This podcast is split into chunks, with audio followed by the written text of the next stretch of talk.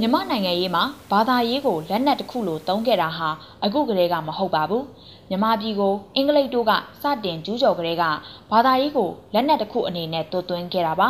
ဒီလိုတွတ်သွင်းတဲ့နေရာမှာပုံစံနှမျိုးနဲ့တွတ်သွင်းခဲ့တာပဲဖြစ်ပါတယ်တစ်ခုကတော့ကိုးကွယ်သူများပြတဲ့ဘာသာတရားနဲ့ဆက်ဆက်တဲ့ပွဲတော်တွေကိုဆက်ပြီးကျင်းပပေးခဲ့တာဖြစ်ပါတယ် ဥပမာအားဖြင့်ဘာသာဝါဒအစွဲတန်တဲ့မြန်မာပြည်မှာရှေးဘရင်တွေလက်ထက်ကလေးကလုပ်ခဲ့တဲ့ပထမပြန်စာမေးပွဲကိုဆက်ပြီးလုပ်ပေးခဲ့တာ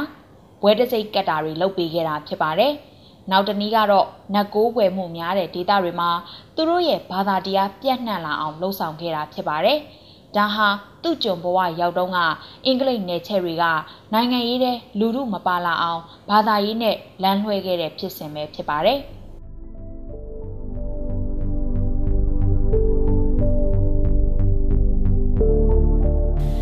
လ်ချုပ်အောင်ဆန်းဟာနိုင်ငံတွင်းကလူများစုယုံကြည်တဲ့ဘာသာတရားနဲ့ပတ်သက်လို့1935ခုနှစ်ဧပြီလကထုတ်ခဲ့တဲ့ကဏ္ဍလောကမဂဇင်းမှာဘာမာအန်ဗုဒ္ဓဇင်းဆိုတဲ့ခေါင်းစဉ်နဲ့စောင်းပါရေးသားခဲ့ပူပါတယ်။အင်္ဂလိပ်ဘာသာနဲ့ရေးသားခဲ့တဲ့ဒီဆောင်းပါမှာဗုဒ္ဓဘာသာရဲ့အနှစ်သာရဟာဝေဖန်ဆန်းစစ်၍လက်တွေ့ကျင့်သုံးနည်းဖြစ်ကြောင်းထိုနည်းကိုကေတမုတ်တိတုတ်ခေါ်ကာလာမတုတ်တန်လာဟောကြားချက်ဖြစ်ကြောင်း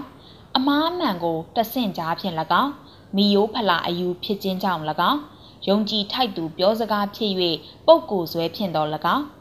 လေးစားသောဆရာသမားဤနှုတ်ထွက်စကားဖြစ်၍ဆရာဇွဲဖြင့်တော်၎င်း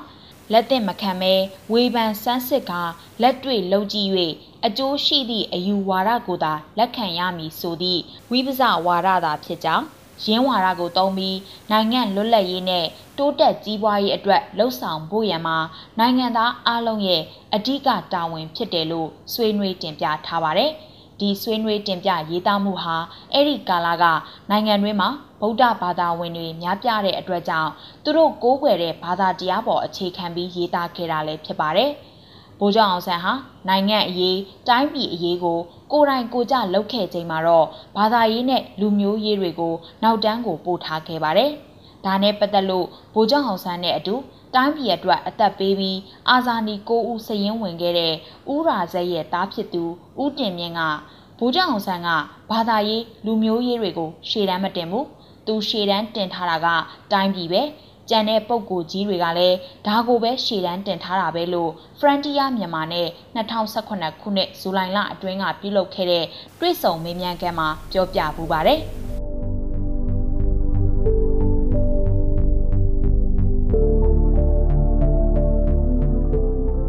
အင်္ဂလိပ်ခေတ်လွန်လွတ်လပ်ရေးရပြီးနောက်ဘာသာရေးကိုနိုင်ငံရေးနယ်ပယ်ထဲဆွဲထည့်ခဲ့သူဟာဝင်ကြီးချုပ်လုပ်ခဲ့သူဦးနုဖြစ်ပါတယ်။ 1962ခုနှစ်ဩဂုတ်လ18ရက်မှာဗုဒ္ဓဘာသာကိုနိုင်ငံတော်ဘာသာအဖြစ်အတိအမှတ်ပြုပြဋ္ဌာန်းရေးအဥပဒေမူကြမ်းကိုတင်သွင်းခဲ့တာဖြစ်ပါတယ်။ဒီလိုတင်သွင်းတာဟာနိုင်ငံရေးအရာအကွဲအပြဲတွေဖြစ်နေချိန်ထောက်ခံမှုရအောင်လုပ်ခဲ့တာသာဖြစ်ပါတယ်။ ဒီအဥပဒေမူကြမ်းကိုဩဂုတ်လ26ရက်မှာပဲဖွဲ့စည်းပုံအခြေခံဥပဒေတတိယပြင်ဆင်ချက်အဥပဒေအရနိုင်ငံတော်ဘာသာအဖြစ်အဲ့ဒီကာလသမရဖြစ်တဲ့မန်းဝင်းမောင်ကလက်မှတ်ရေးထိုးထုတ်ပြန်ခဲ့ပါတယ်။ဒီကြေညာမှုကြောင့်နိုင်ငံတွင်းမှာတိုင်းရင်းသားစီလုံးချင်းကိုကွဲပြားမှုအထိဦးတည်စေခဲ့ပြီးကြံဘာသာရေးဝင်အတိုင်းဝိုင်းတွေရဲ့ကန့်ကွက်ခြင်းကိုခံခဲ့ရပါတယ်။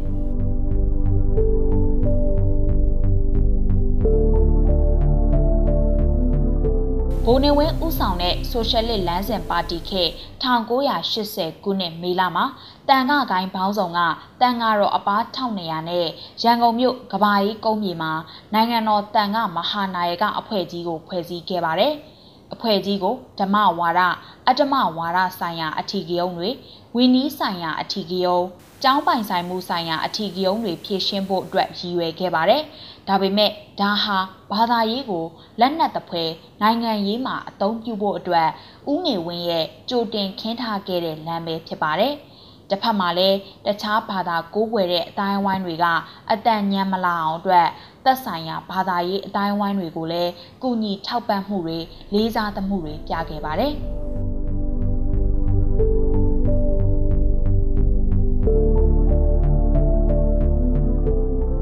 နိုင်ငံရေးမှာဘာသာရေးကိုလက်နက်တပွဲအသုံးပြုမှုကိုဘိုးနေဝင်းနဲ့ဘိုးစောမောင်အလွန်ခက်မှာစစ်တပ်ကပို့ပြီးတော့တုံးဆွဲလာခဲ့ပါတယ်။ ဘာသာရေးကိုအခြေခံတဲ့ပဋိပက္ခတွေဖန်တီးခဲ့ပါတယ်။နိုင်ငံတွင်းကတခြားသောဘာသာတွေထက်ဗုဒ္ဓဘာသာဟာနိုင်ငံတော်ဘာသာဖြစ်တယ်ဆိုတဲ့ခေါင်းစဉ်အောက်ကနေခွဲခြားဆက်ဆံမှုတွေကိုတွင်တွင်ကြဲကြဲလုပ်ခဲ့ပါတယ်။ဒီကနေ့အထိလည်းလုပ်နေစေဖြစ်ပါတယ်။နမူနာပြောရရင် ဗုဒ္ဓဘာသာဝင်တန်ဃာတော်တွေအတွက် RGL နာမည်နဲ့ရင်တင်သွင်းစီးနှင်းခွင့်တွေကိုတွင်တွင်ကြဲကြဲချထားပေးမှုတွေလုပ်နေပေမဲ့တခြားဘာသာဝင်ဘာသာရေးဆရာတွေအတွက်ဒီလိုချထားပေးမှုဟာအ ਨੇ ချင်းသာရှိခဲ့ပါတယ်။ဒါအပြင်တခြားတခြားသောနှီးပေါင်းစုံနဲ့မတူညီတဲ့ဘာသာတွေအကြားမညီမျှမှုတွေကိုဖန်တီးခဲ့သလိုတူညီတဲ့ဘာသာတစ်ခုချင်းကြားမှာလည်းအုပ်စုဖွဲ့တွေရှိအောင်အတွက်စစ်အုပ်စုဟာလုပ်ခဲ့ပါတယ်။ ဘာသာမတူရင်ကွဲပြားမှုပိုကြီးအောင်လုပ်မယ်ဘာသာတူနေရင်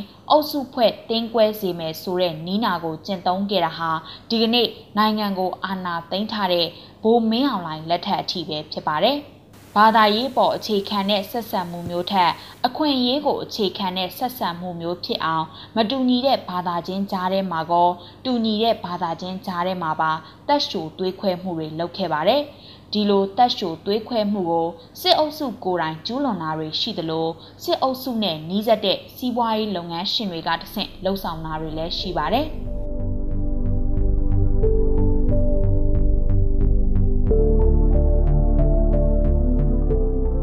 စစ်အုပ်စုဟာဘာသာရေးခေါင်းဆောင်တွေကိုချင်းကပ်ရမှာအစပိုင်းမှာတော့ဘာသာတရားဖွံ့ဖြိုးတိုးတက်ရေးဆိုတဲ့ဘောင်တွေကချင်းကပ်ခဲ့တာပါဒါပေမဲ့လည်းနောက်ပိုင်းမှာတော့စစ်အုပ်စုသည်သာဘာသာသာသနာကိုအဓိကပံ့ပိုးကူညီတဲ့အစုအဖွဲ့ဖြစ်တယ်ဆိုတာမျိုးကြံတဲ့သူတွေထင်မြင်လာအောင်ဖန်တီးခဲ့ပါတယ်။တဖြည်းဖြည်းနဲ့ဘာသာရေးထက်အခွင့်အရေးကိုဦးစားပေးတဲ့ဘာသာရေးခေါင်းဆောင်တွေကိုစူးစီးပြီးစစ်အုပ်စု lobby ဖြစ်အောင်လှုံ့ဆော်ခဲ့ပါတယ်။ ဒါဟာဘာသာရေးနယ်ပယ်ကသူတွေကိုနိုင်ငံရေးအတွက်ခုတုံးလုပ်သုံးနေတာသာဖြစ်ပါတယ်။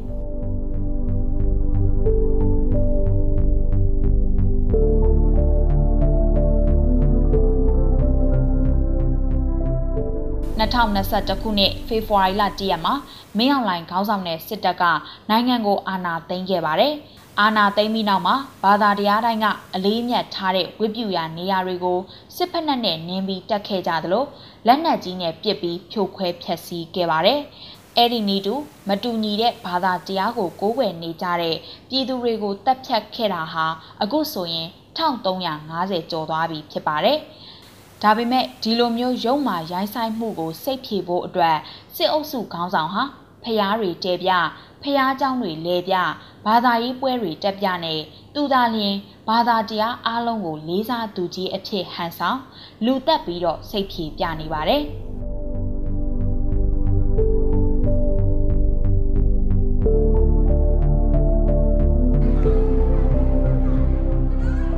နေချက်အင်္ဂလိပ်လက်ထက်ကစလို့ဒီကနေ့ဖက်စစ်စစ်တပ်အထိနိုင်ငံရေးမှာဘာသာရေးလက်နက်ထုတ်သုံးတိုင်းထိရောက်နေတာဟာဘာသာရေးနဲ့ပတ်သက်လို့ဆက်ဆက်ထိမခံကြတဲ့ပြည်သူတွေကြောင့်ပဲဖြစ်ပါတယ်။နိုင်ငံကိုဂုတ်ခွာစီးပြီးဘာသာရေးနဲ့မှိုင်းတိုက်တိုင်းခံနေကြတဲ့လူထုကြောင့်ပဲဖြစ်ပါတယ်။ဒါဟာခါးသိတဲ့အမှန်တရားပါ။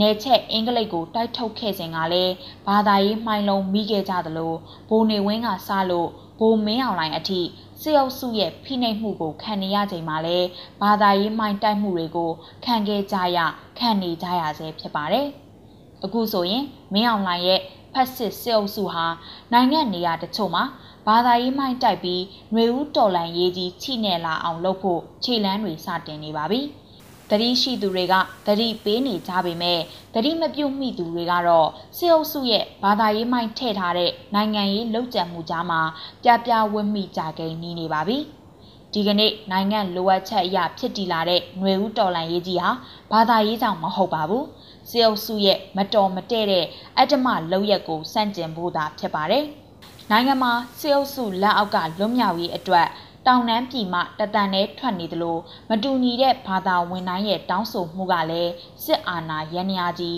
အပီးတိုင်ပြတ်သုံးရေးပဲဖြစ်ပါတယ်။အင်္ဂလိပ်လက်ထက်ကစလို့စစ်အုပ်စုမတရားဖိနှိပ်ခဲ့တဲ့ဖိနှိပ်နေစေဖြစ်တဲ့ဒီကနေ့အထိနိုင်ငံရေးတဲ့ဘာသာရေးမှိုက်တိုက်ပြီးလူမှုချင်းတိုက်ခိုက်ခိုင်းမဲ့ကိစ္စကိုတတိကြီးကြီးထားတွန်းလှန်ကြဖို့လိုနေပါပြီ။ဒီကနေ့ຫນွေဦးတော်လန်ရေးဟာနိုင်ငံအနာဂတ် ပြည်သူအနာဂတ်အတွက်ဖြစ်တယ်လို့ဘာသာတရားတိုင်းရဲ့အနာဂတ်အတွက်ဖြစ်တယ်ဆိုတဲ့ခံယူချက်နဲ့စေအုပ်စုရဲ့ရုပ်ကမ်းနဲ့ဘာသာရေးမှိုင်းထိုးတက်ရှူခြေလန်းမှန်သမျှကိုရိုက်ချိုးကြဖို့တိုက်တွန်းလိုက်ရပါတယ်။